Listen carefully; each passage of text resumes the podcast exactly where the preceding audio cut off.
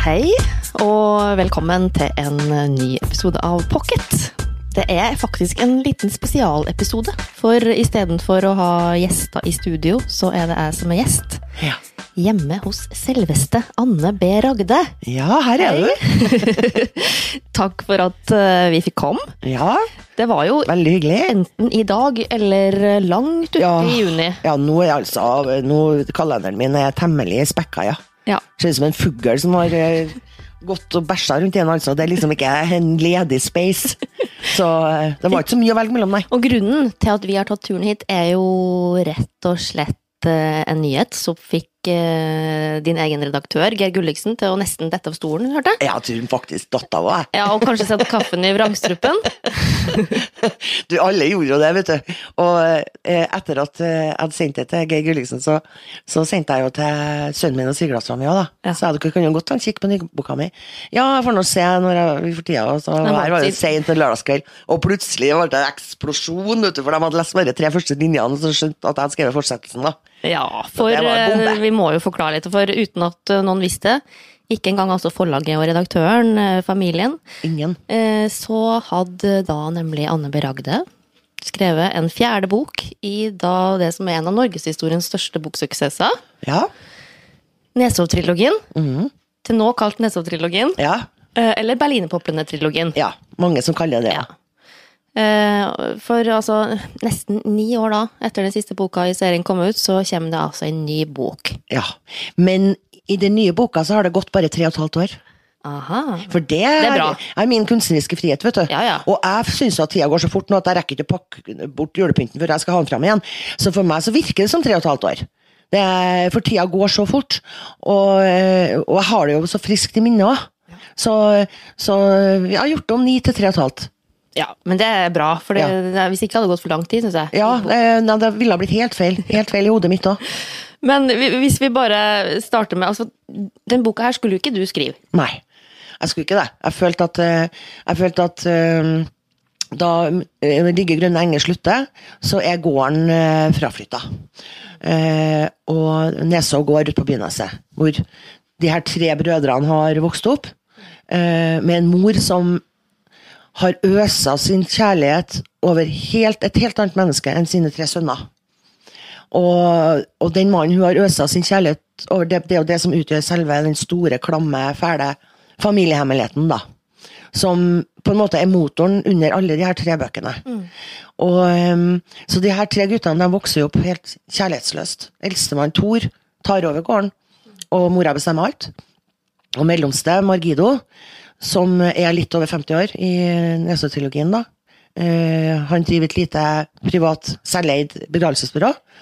Og så har du Erlend som er homofil og har stukket av fra hele sulamitten da han var veldig ung, og kommet seg til København, hvor han etter en litt sånn røff start traff sin livs kjærlighet. Krumme. Krumme. Krumme Thomsen. Og Krumme han heter egentlig Karl, men, men eh, han er kullerund og liten, sånn liksom Karlsen på taket. Fasong, da. Kroppsfasong. Så, eh, og Krumme betyr brødsmule på, på dansk, så Erlend kalte den Krumme, og det har blitt navnet som har festa seg, da. Så da Ligge grønne enger var ferdig, så, så følte jeg at gården var fraflytta. Og eh, så, så var det på en måte slutt, da. Mm. Jeg må eh, sitere deg her, for da den tredje boka kom, Eh, med da sånn rekord, norgesrekord i første opplag, tror jeg, 200 Ja. eller noe sånt, Med Harry Potter Security på utgivelsen. eh, så uttalte nemlig skråsikkert til VG ja. Ingen vil be om bok nummer fire når de har lest denne. Den Nei. har en riktig slutt. ja. Jeg følte veldig på det. Ja. For det slutter jo med at Margido eh, kjører ned alleen foran gården. Og så syns han at det er en bevegelse i vinduet eller et eller annet. Og så, så det, men det er ikke det. er det. Og så ringer telefonen, og så sier han jeg skal si opp det abonnementet her. Sant? Og det er ingen her noe mer nå. Det er slutt. Det er slutt, sa Anne B. Ragde den gangen, men eh, det mente ikke leserne. Og vi har spurt eh, Annes redaktør og forlegger Geir Gulliksen i oktober om hvor feil hun tok den gangen i 2007. Jeg tror det var kanskje bare noen dager etter at den uh, Ligge i grønne enger kom ut, uh, så ringte telefonen på morgenen på forlaget. Uh, og det var jeg som tok den. Da var det en dame som ringte og sa det må være feil. Det må mangle noen sider her. Uh, det kan ikke slutte sånn. Uh, og når kommer fortsettelsen? Og jeg sa det, nå er det ferdig, og det skal slutte sånn. Og, men det der bare fortsatte, egentlig. Det var, eh, det var eh, Det har vært mange reaksjoner. Mange som har, Ja, det var har egentlig ikke vært enig. Nei, og det var nesten nesten litt sånn rasende reaksjoner. Ja, Ja. ja. ja. Ja. Sånn kjærligrasende, da. Ja, kjærlig rasende. Ja.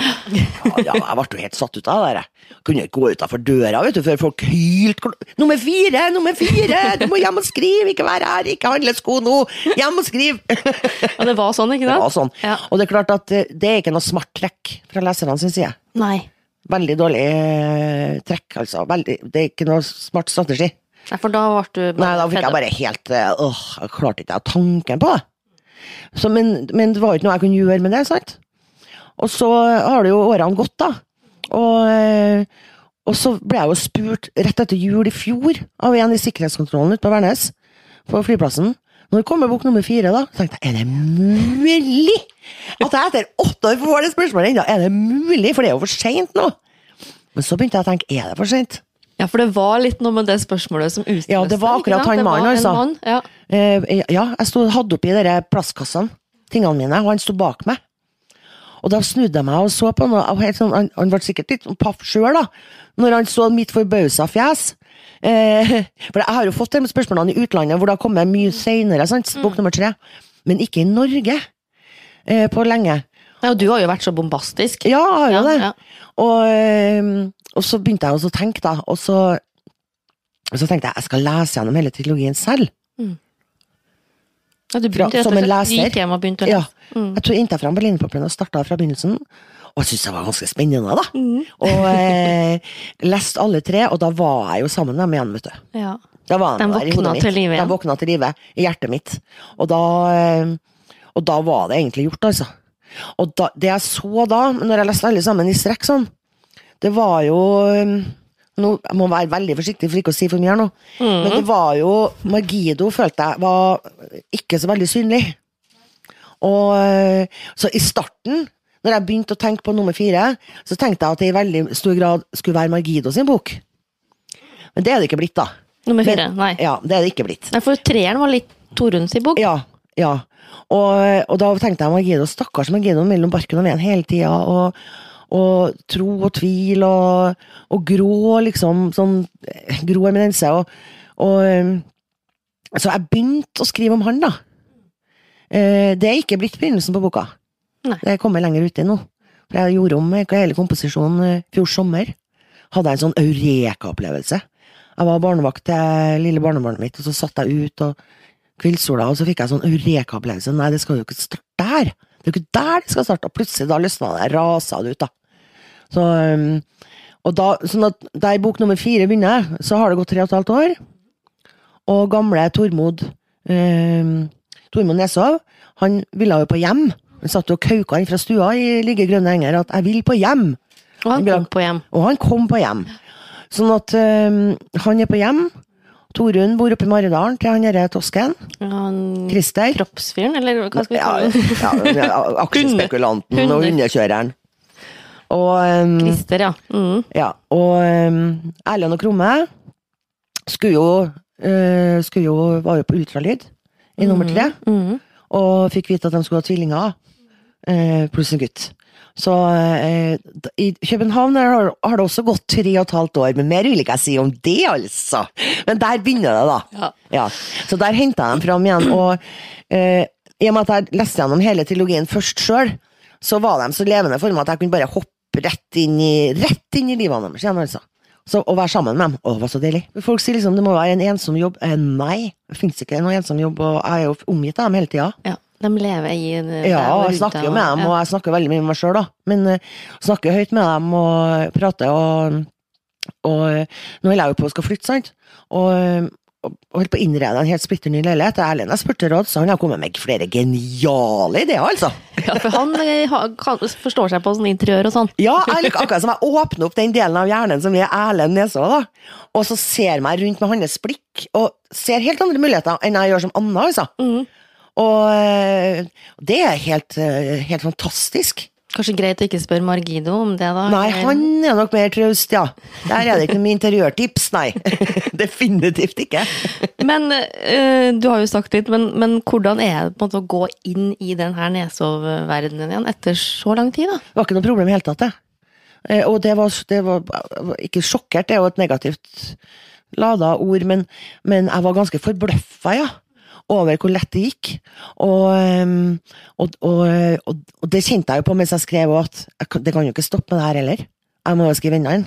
Ja. Så I eh, femte bok. ja, Og i sjette bok. ja, det vet ikke jeg, men eh, det vet jeg. Men eh, i hvert fall så, eh, så er de så de, er så de er så dynamisk til stede. Eh, sånn um, Rent fortellermessig hos meg, så de lever, og så blir jeg så overraska over hvor mye de gjør.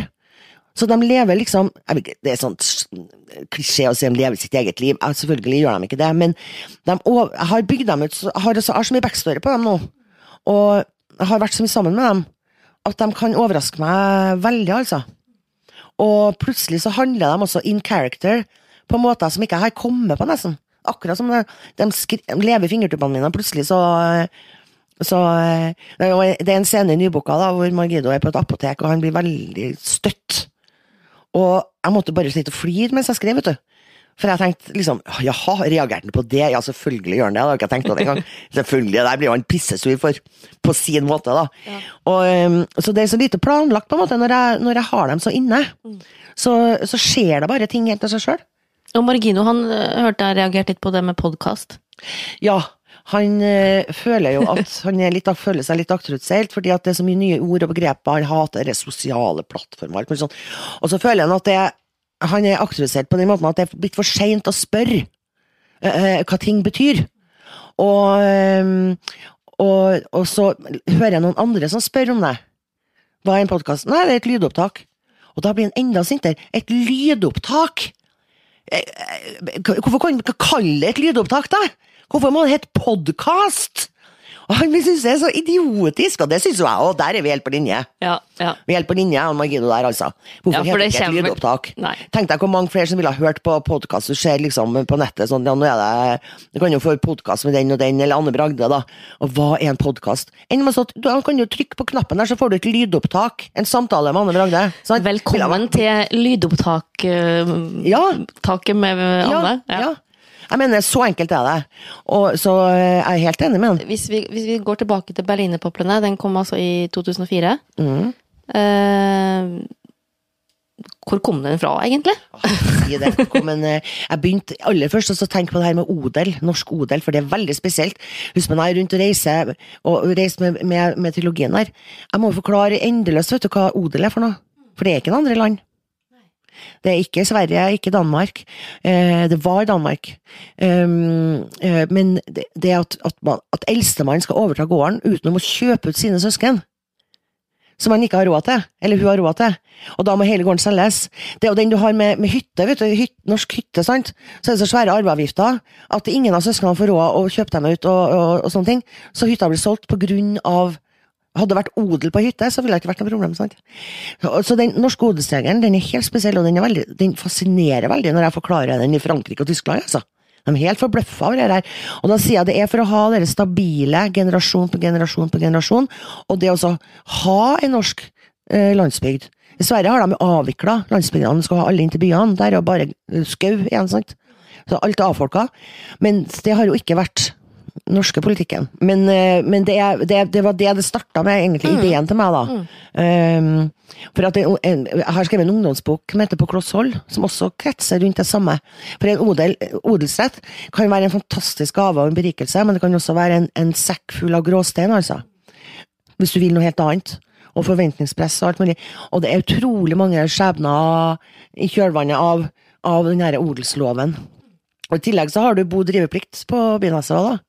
Sant? I tillegg til odelsloven. Og da skal du operere innenfor ganske stramme rammer.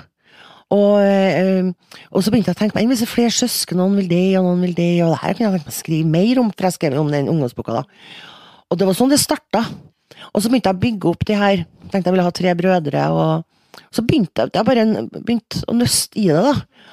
Og jeg tror jeg jobba et halvår bare med backstories på alle tre, og familiehemmeligheten og, og det hele. og og, øh, og ville ha dem veldig forskjellige. og Jeg leste en god del på det her med å være lillebror og mellomstebror i forhold til storebror. Um, mye følelser rundt det.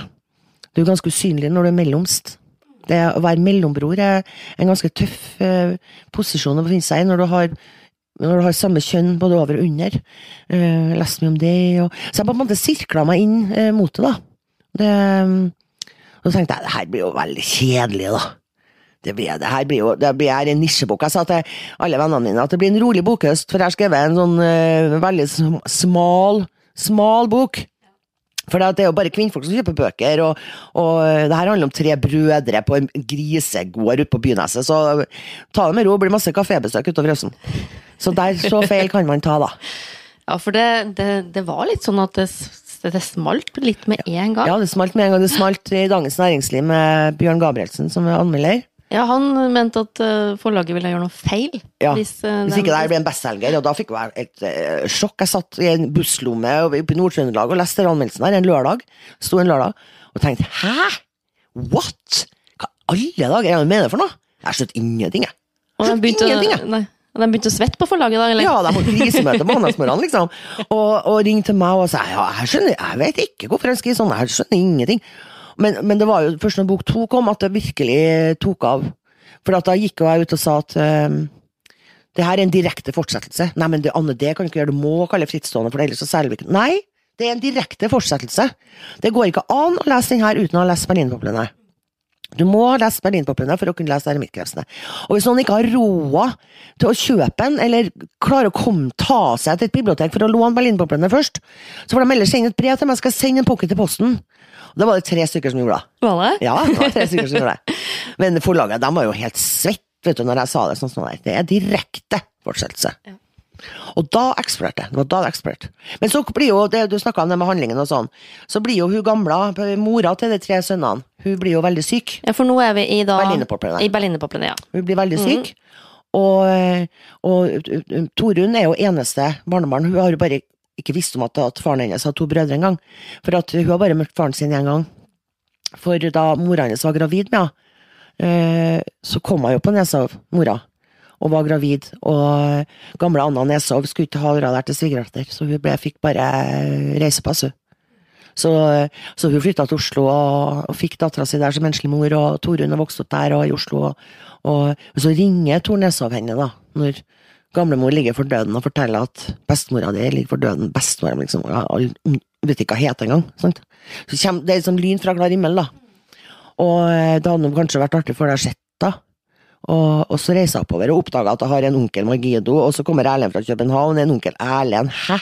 Hun får veldig connection til onkel Erlend, da. De finner hverandre veldig, men hun får plutselig en, en sånn farsfamilie da, som ikke har visst om. Og, og begynner å styre på gården der, og, og prøver å finne sin plass, da. Men det er ikke enkelt, altså. Det, det er tøft, og det her er den fåmælte familien. Unntatt Erlend, da. Eh, så det liksom topper seg på julaften, i slutten av Berlinpoplene, hvor den store familiehemmeligheten kommer for en dag, da. Og så i eremittkrepsen så drar de jo, etter begravelsen, for du dør jo, Anna Nessa, og så, så drar de sin vei, og så er Tor alene på gården. Og så skjer det dramatiske ting som gjør at Torunn uh, kommer oppover igjen. Og, og, ta litt over? Ja, ta litt over og prøve å hjelpe Går til. og griser og Ja. Og, og, så skjer det mye i, i da, Fordi at både eremittkrepsene og ligge i grønne enger går litt over i hverandre.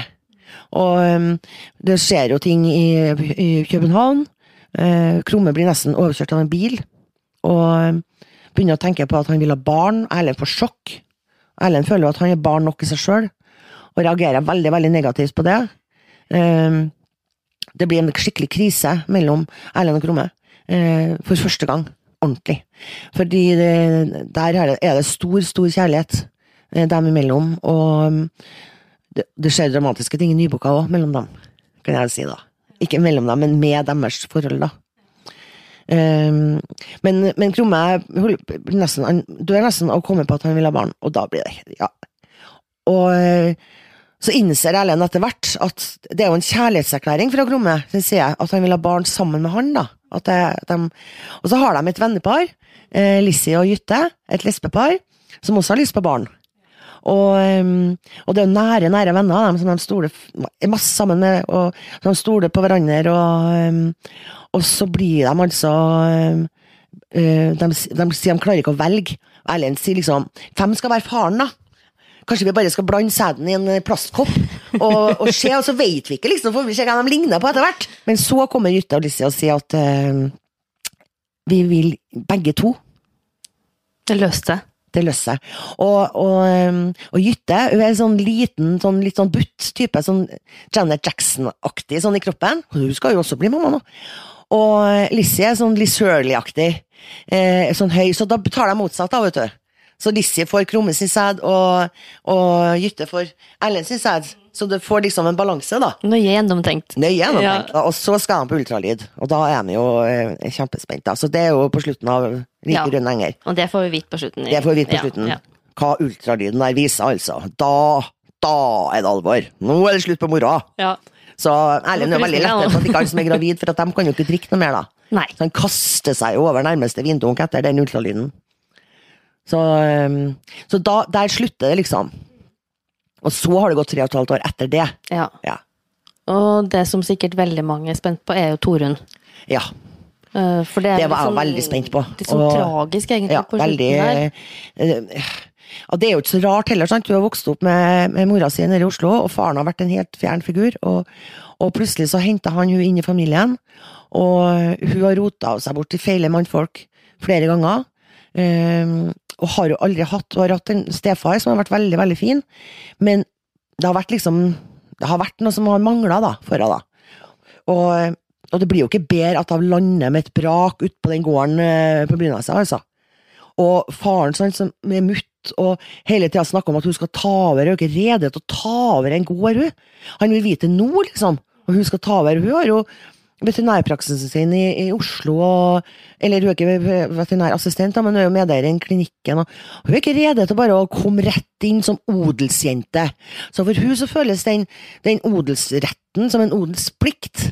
Det føles som en tung sekk med gråstein på ryggen. Så det er ikke noe, det er ikke noe lystbetont for hun det der. Og, og når ikke hun vil, vil, vil si rett ut at ok, på sikt så skal jeg ta over, så skjer jo det forferdelige, da som hun tar på seg all skyld for.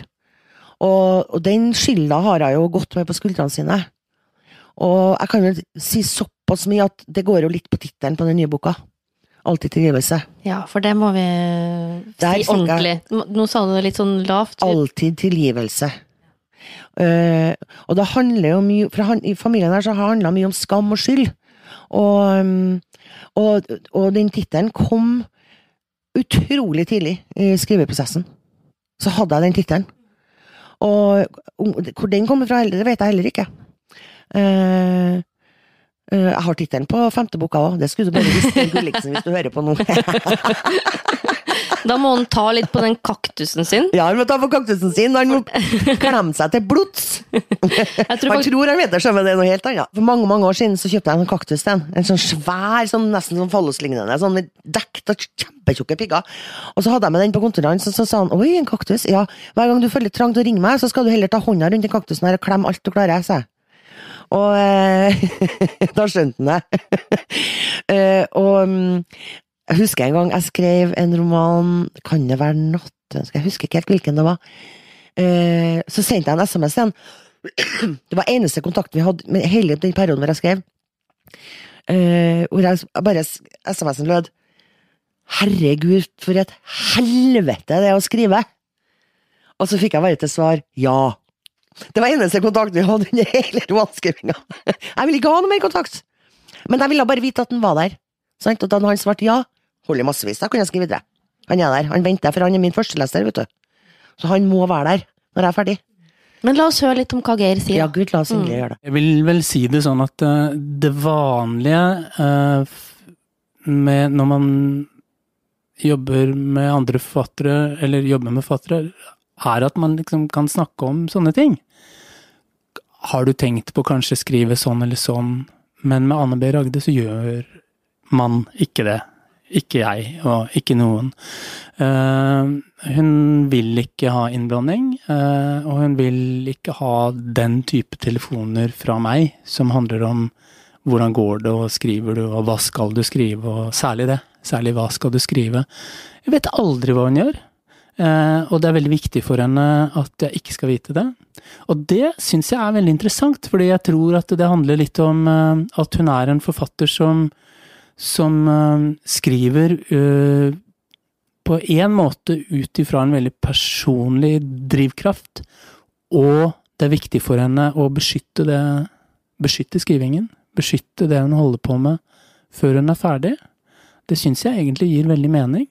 Uh, noen ganger er det frustrerende å ikke vite noen ting, men, men jeg syns det gir veldig mening, og det sier noe om hvor sterk liksom kraften er, og flammen er, i, i det hun gjør.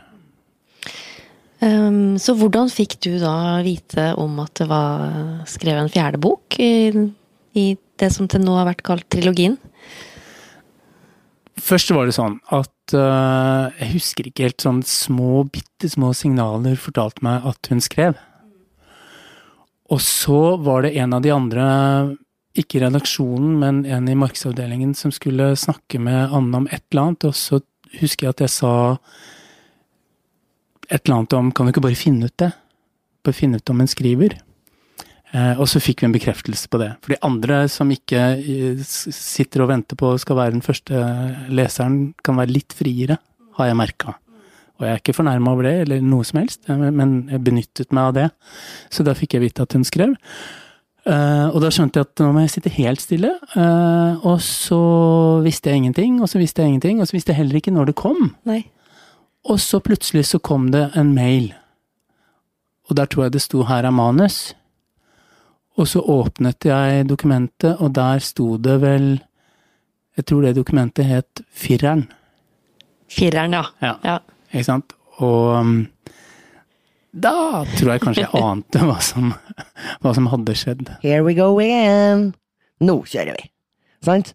Og eh, det var så deilig, altså. Herregud, det var så deilig. Jeg ble liksom hel igjen, på en måte. Og på Jeg hadde veldig mye å gjøre, og det var masse sånt. Hver gang så jeg var veldig, veldig sliten, så, og hadde holdt på med masse ting, og kanskje skrevet masse uh, bare for kort tid siden, så tenkte jeg jeg må bare sette meg ned og skrive et lite kvarter, så får jeg krefter igjen. Det var sånn motsatt. Ja, fordi, Jeg fikk krefter av å skrive. fordi den tredje boka, da sleit du nesten ut. mavesår og hylende sirene av det. Så det var jo Var det innlagt, til og med. Altså, det ja. jo, jeg var jo Herregud, det var jo dramatisk, altså. Men da hadde jeg jo fått antatt boka, da. Mm. To timer i forveien før jeg kom på sykehuset. Og eh, det var jo eneste det som betydde noe for meg. Så du skrev deg liksom akkurat Ja, ja jeg skrev til Jeg, jeg, jeg kasta jo opp blod sånn på siste, siste uka mens jeg skrev, men jeg måtte bli ferdig. Og, og så kom jeg på sykehuset og, og, og satt der, og, sånn, og så var jeg med og tok en sånn blodprøve i fingeren min og sånn. Jeg var ganske blek, da. Og så var det noen som så at jeg satt med Se og Hør opp ned. Jeg hadde ikke sett det, vet du. Jeg satt bare sånn og Og så kom de og tok en blodprøve til, da. De hadde gått en time. Og så sammenligna de, så kom de og tok en til om det var mulig. Og da eksploderte alt. Jeg satt jo i vanlige klær på et et lite venterom. Plutselig kom det springende folk med ei seng og slengte meg nedpå. Og, eh, for da hadde jeg sunket, så, det hadde sunket sånn, vet du. Og jeg ble sånn. Og jeg, bare Hva? Hva? Og hei meg nedpå! Og da var opplevde jeg sånn som du ser på film, vet du, hvor du blir kjørt gjennom sånne sånn korridorer med sånne folk med munnbind som bøyer seg over, og, og, og sånn kjempefort, så lampene i taket liksom bare sånn jom, jom, jom, sånn som det her. Herregud, det var dramatisk. Og da husker jeg, vet du, jeg var, så- jeg var jo hinsides, men da var det ei som bøyde seg over meg for jeg skulle ha narkose, da. Og så sa Hva heter du? Og så sa jeg, lo jeg der, vet du ikke hva jeg heter for noe? Jeg tenkte, herregud, jeg får sikkert de kappa meg en fot eller noe, jeg får feil behandling. vet du ikke hva jeg heter? Eller vet du ikke hvem jeg er? Da sa du Vet du ikke hvem jeg er? Vet du ikke hvem jeg er? Åh, for da var jeg jo kjempebekymra for at de ikke skulle skjønne at jeg, hva som feilte meg. Ja, Men ja. eh, Du tenkte ikke på at Vet du hvem jeg er? Forfatterdronningen ja, det, Trøndelag? det hørtes jo sikkert sånn ut, da, sant? Hørtes jo sånn ut, men jeg ble bekymra for at de hadde tatt feil, blant forveksla med en annen pasient eller noe. Ja, ja. Og da, men da prøvde jeg meg først å komme ned med en sånn greie, da. Nedi magen. Og da kasta jeg opp, og det glemmer jeg aldri. Jeg kasta på dem, så de var helt rødprikka, de sto rundt meg. Nei, Helt oppå munnbindene, vet du. Og da ble jeg lagt ned i narkosetvert. Da ble det sveisa sammen. Sånn, det var en revne, da. Så det ble sveisa sammen nedi magen. da. Og jeg våkna og var bare like salig for at jeg hadde blitt antatt og var ferdig å skrive. Men, Ja, eh, du var liksom Jeg er ferdig med boka. ja, ferdig med boka. Ja, ja. Og, og, og, og han som jeg var gift med, da, han hadde jo ringt mora mi og søstera mi og sånn. Og jeg, hvorfor ringte du dem? Hva, hva det er noe vits i, da? Og, liksom uroe dem? Eh, Anne, du har hatt blødende mave, så du holdt på å blø i hjel. Nei, psj, det var ikke så ille. Jeg var bare tenkt på at jeg var ferdig med boka. Så, eh, men sånn har det ikke vært denne gangen. Denne gangen så har det gitt meg krefter, mye fordi at det har vært en sånn stor hemmelighet å bære på. Ja, Det har vært så artig skikkelig godt rundt med en sånn hemmelighet. Ja, skikkelig godt rundt og godt av meg. Og gledde meg til at jeg skulle være ferdig og Men Har du vært frista til å si det mange ganger? da, Eller? Nei, nei, nei bare, nei, skikkelig kose deg med hemmeligheten. skikkelig kose meg med hemmeligheten. Nei, jeg Men én har visst det. Ja, lille barnebarnet mitt, Sverre. Ja, på to og et halvt. Eller ja, han var ett og et halvt da når jeg begynte å skrive, så han har jeg lest høyt for å og, Så han har visst det. ja. Ja. Men han er Han ikke har slad, sladreak. pottetett! han snakka bare sånn kaudervelsk på den tida, så det var ingen sjanse for at han skulle røpe seg. Plutselig bare Du, Torunn! Nei, veldig artig. men det har også vært en faktor, selvfølgelig, um, i barnebarnet ditt. Altså, du skulle hadde noen sånne mål med skrivinga nå. Uh, Om å bli liksom, Ja. Få mer tid og Ja, jeg har jo um, Jeg er jo i en helt, eh, helt ny livsfase. Etter at mora mi døde i 2012, og så er jo jeg matriarken i familien. Og så er jeg jo blitt farmor. Så jeg føler jo at jeg er over i en eh, Det er ikke så mye champagnefester lenger nå. Det er ikke det. det er, jeg har en helt annen ro. Og det nok også, kan, kan nok også være en del av bakgrunnen for at jeg har begynt å skrive videre på dem. For jeg har funnet den roen, sant. Eh, som, gjør at, som har muliggjort det. At jeg kunne ha funnet tilbake til dem. Så um, For det jeg, jeg er på et sånt sted i livet som når jeg har det helt superfint. Helt superfint. Det er så deilig, altså. Jeg har en sånn ro. Jeg kan, jeg kan sitte eh, i ørelappstolen og bare sitte og tenke en hel time. Bare kikke. Jeg kjeder meg jo aldri. Jeg har det jo koser meg veldig alene. Og jeg er veldig sosial òg, og hvis du har det bra med deg sjøl, så slapper du av å kose deg alene. Du trenger ikke. Og det er ikke for å ha pause en kveld og ha fri en kveld, men jeg er bare alene, jeg har ikke noen planer. Eh, Jeg vet ikke hva jeg skal gjøre i kveld. Eh, Jeg vet ikke om det kommer noen, eller om jeg skal noen plass. Eller. eh, Og likevel så eh, Jeg har det så veldig bra akkurat i nuet, da. Nå heter det jo til og med, har til og med et navn nå, da. Det syns jeg er positivt. mindfulness. Mindfulness. Men det er litt artig, da, for jeg hadde et spørsmål her som er Hva er forskjellen på Anne B. Ragde anno 2007 Ja, og det er akkurat 2016? Men Ja, det er nok det. Det har, det har skjedd masse i Ja. livet mitt, og, og um, eh, virkelig, virkelig masse, altså. Det, og det har vært en berikelse, og, og det å bli bestemor uh, det, er jo egentlig veldig barnslig. Og sammen med han så kan jeg få lov å være barnslig. For jeg er jo sånn at når jeg går på tur, så går jeg og kikker på alt småtteri på bakken, og har alltid vært det. Alltid vært der. Og faller i staver over en blomst. Sant? Og sånn er jo en, Han er jo to og et halvt nå, da. Og han er jo sånn. Og for meg er det jo som å få en kompis som er på mitt nivå når det gjelder observasjoner, da. Og han kan liksom høre en rar fugl som fugl som lager en rar lyd, og da gjør han sånn Og jeg er jo sånn, jeg òg. Ja, hva det? Hva det? Sånn, så vi er jo helt på linja der, altså. Litt av grunnen til at jeg egentlig skulle stille deg det spørsmålet, er forskjellen da, anno 2007. Og det var ikke bare blødende magesår, men eh, jeg hørte på den en annen eh, lydfil. Lyd, lydopptak. Cappelen Dam sin lydfil. Ok. Eh, der sa du bare en bisetning, at, eh, for at suksessen hadde jo gått litt til hodet på deg. Og så gikk dere litt videre, men jeg ble litt sånn Ja, gjorde det det den gangen? Ja, det gjorde det lite grann, men ikke sånn eh, uh, jeg, jeg ble veldig hektisk en Det var periode. så mye. Ja. Ja, det var så mye.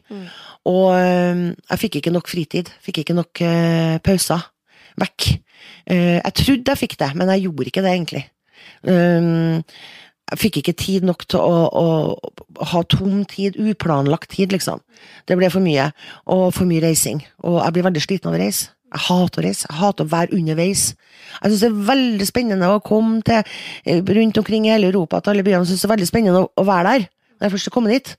Men jeg hater å være på, på reise, og det sleit meg ut veldig, altså. Eh, Berlinerpoplene-trilogien som nå blir en kvartett og en kvintett, og noe sånt. Ja.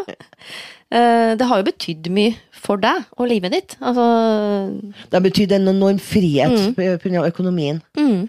Um, Raskt overslag, så har du kanskje tjent Nei da. Nei, hvis man- jeg 20 mil. fem, ja, jeg betaler 50% skatt, og alt er gått til hyttene mine. Uh, som uh, på et sted hvor jeg har vært siden uh, 88. Aldri trodde jeg skulle få meg egen hytte. Jeg har leid sokler og campinghytter. Ut på Stokke, ja. Og, på Stokke, ja. og alltid drømt, og plutselig kunne det bli en eh, drømmen bli realisert, da. Og, så det er jo det store. Det er jo det store. Og når vi har um, middager utpå der og ordner god mat og sånn, så har vi alltid en skål for Tor Nesov. Ja. Som har muliggjort Takk alt det til der. Tor Nesov. Alltid. Første skålen går til Tor Neshov, som har muliggjort det. Og da sitter vi med deilig mat og drikker ser utover havet og alt sånt. Ja, så ha, det er takk til Tor Neshov.